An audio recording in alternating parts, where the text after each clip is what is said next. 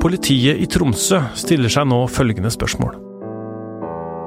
Hva er det som gjør at en mamma tar med seg de tre små barna sine ut i vannet, og prøver å ta livet av dem? Jeg heter Tor Erling Tømt Ruud, og dette er Verdens gang. Mandag ettermiddag kom push-varslene på telefonen. En mor og hennes tre døtre var funnet livløse rundt ti meter ute i det kalde vannet ved Fagereng i Tromsø. Moren og den eldste datteren, som var i barneskolealder, døde på kvelden. Når vi spiller inn denne podkasten, er tilstanden fortsatt livstruende for de to minste barna. Krimekspert her i VG, Øystein Milli, eh, hva er det vi vet om det som har skjedd? Nei, da politiet kom dit, så var det mm, kaotisk. Eh, man eh, så da en barnevogn som sto eh, vannkan ved vannkanten, og så var det flere personer i vannet. og Man ante ikke da hvor mange det var snakk om, men man så at det var flere. Og en polititjenestemann har da hoppet ut i vannet og fått da tak i disse fire. Men det tok jo tid før man kunne slå fast at det ikke var snakk om flere i vannet, så det var en svært dramatisk situasjon som, som møtte redningsmannskapene. Eh, etter hvert så begynte i hvert fall jeg å få en mistanke om hva dette handla om, og kjente jo at det da knøt seg i magen, fordi at eh, det kunne ligne på at det var eh, det politiet nå har som en hovedhypotese, nemlig at det var en familie som hadde vært i en forferdelig situasjon, og hvor noe fælt hadde skjedd. Og det viste seg dessverre å, å, stemme. Det er jo da sånn at Politiet har en hovedhypotese om at en mor har tatt sine tre døtre, den eldste født i 2012, til, eh, til, havet, vannet, og at hun har utsatt dem for uh, straffbare handlinger. og Den ene er jo da død, og altså da uh, drap. Og hun er jo også da selv død, moren, men etterforskes jo da likevel. Fordi at man må finne ut av om det politiet tror er tilfellet, faktisk er det som har skjedd. Har politiet sagt noe om hva de tror har skjedd, altså selve handlingen? Ja, De har jo eh, en teori, en hypotese, om at Uh, mor har ville avslutte livene til de tre barna. Det er også en mulighet de undersøker om det er sånn at den eldste barna har blitt utsatt for en straffbar handling før de to andre. Men dette er jo, som jeg sier, undersøkelser man gjør, hypoteser man har. For det er et uoversiktlig bilde. Det er jo ingen øyenvitner, så vidt vi vet. og kanskje heller ikke så mange som vet uh, hva som er bakteppet her. Det er en far som er uh, avhørt som vitne, uh, og så vil jeg tro at man leter i barnehage, skole, hjelpeapparat hvis man har vært i kontakt med noen av de instansene, for å forsøke å se om det ligger spor der som gjør at man kan bli sikrere eller ikke sikrere i den hypotesen man har om at dette er en handling som mor har villet skulle skje. Men det er sånn, når du leser dette, du får push-varsler og så var det sånn Shit, det er liksom en mor som vil ta livet av uh, tre av barna sine. Altså, uh, hvordan Ute i det kalde vannet, liksom. Men det er så utrolig fælt å tenke seg egentlig hva, hva som har skjedd, da. Ja, det er jo Det må jo ligge ekstrem smerte og fortvilelse bak uh, i denne saken, dersom det er sånn uh, politiet tror. Uh, dersom det er så ille som det ser ut, at en mor finner ut at det hun vil gjøre, er å ta tre barn til uh, sjøen uh, og utsette dem for straffbare handlinger med det formålet at de skal dø alle fire, så er det så hjerteskjærende som det nesten kan få blitt. Psykologspesialist Pål Grøndal også med oss. Det er tidlig denne saken. Det er vanskelig å si hva som har skjedd, men hva er det som er, eller kan være årsaken til at dette kan skje? Ja, det kan jo være så mangt. Vi mennesker styres av eh, motiver som er både forståelige og helt ubegripelige. Så ofte sånn generelt så, så, snakker vi om en del hovedmotiver. Det kan jo være hevn. Det kan være sjalusi. Det kan være forferdelige livsforhold. Det kan være en type psykisk lidelse som gjør at man har Hvor virkeligheten glipper. Depressive psykoser, hvor man tenker at uh, nå går verden til helvete, eller hva det nå er. Og så tenker man at og barna mine må ikke overleve i den verden. Så altså man gjør en tjeneste ved å ta andres liv også, tror man. Så da går det på, på depresjon, altså psykisk helse, da. Her, ja. kanskje da hos denne moren. Ja, altså det man ofte ser med kvinner som dreper barn, kan f.eks. være fødselsdepresjoner. Hvor man er så deprimert at man tenker at her er det ikke grunnlag for liv.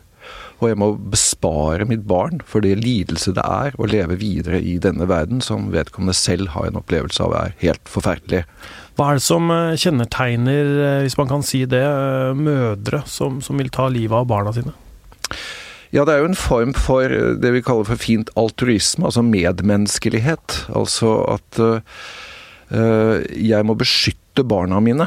Eh, enten mot livet i seg selv, altså fordi man har en virkelighetsoppfatning om at eh, verden er et forferdelig sted, eller man skal beskytte barna mot en eventuell eh, truende, farlig partner.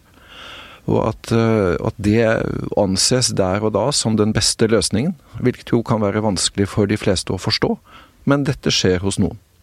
Eh, politiet har opplyst at uh, moren eh, og, og faren her opprinnelig kommer fra Sudan, og kom hit i 2015 og 2017. kan det, altså Hva kan det ha å si? jeg tenker jo av og til på um, generelt, da. Hvilke ressurser er det vi har med oss her inne i verden, som gjør at vi kan tenke på alternative løsninger? For når alt blir svart, og hvis man har relativt få eh, evner til å tenke alternativ, hva kan jeg gjøre hvis så? Så tenker jeg at jo færre ressurser, jo færre løsninger ser man. Og så løser man dette med én dramatisk måte, istedenfor for kanskje f.eks. å oppsøke et krisesenter, politiet, søke sosial støtte, osv., osv. Ikke sant mennesker med flere ressurser har større evne til å søke den hjelpen som er nødvendig. Øystein, eh, det at de er fra Sudan, eh, sånn politifaglig, hva kan det ha å si? Nei, det kan jo by på det problemet at man kanskje ikke har så mange å avhøre i kretsen rundt dem. At, dette, at hvis det er et manglende mm, nettverk, så, så, er det jo vanskeligere å hente informasjon.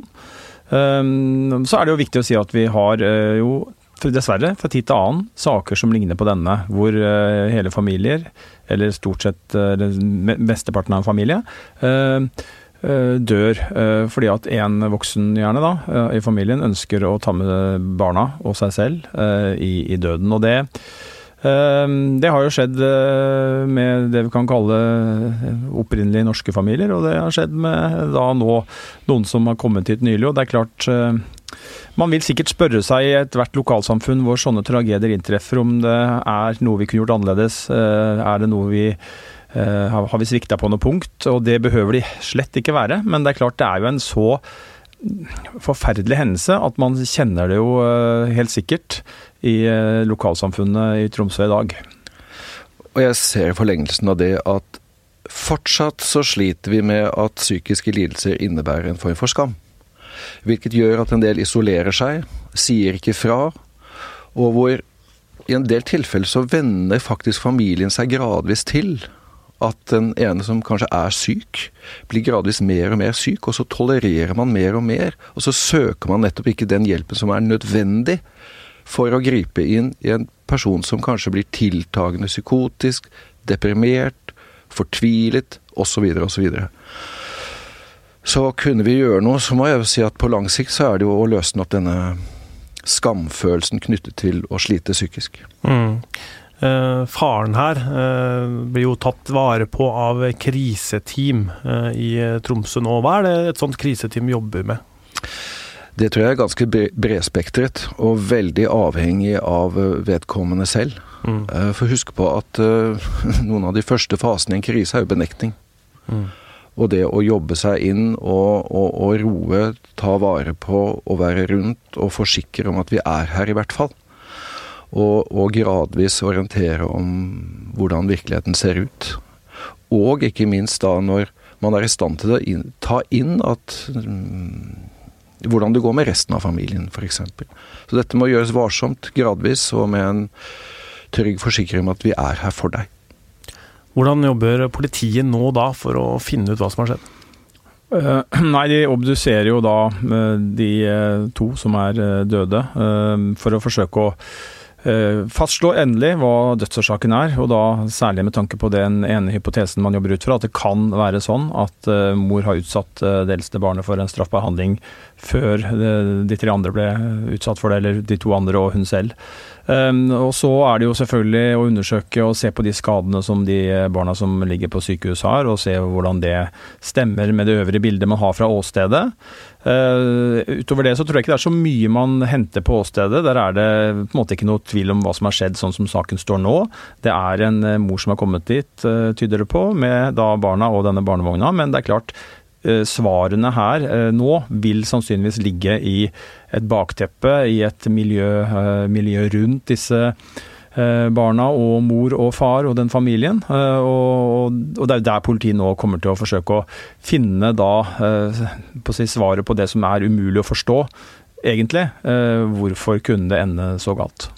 Tromsø er jo Nord-Norges eh, største by, men allikevel ikke så stor by. Eh, hva er det som er viktig for lokalsamfunnet der oppe nå? Eh, jeg tror ordføreren har rett, at de må jo prate sammen, ta litt vare på hverandre. Mm. Jeg tror ofte at det å få beskjed, informasjon, gir i hvert fall en, en, en følelse, en litt falsk følelse av kontroll. At å ja, så, så det er det som kanskje skjedde.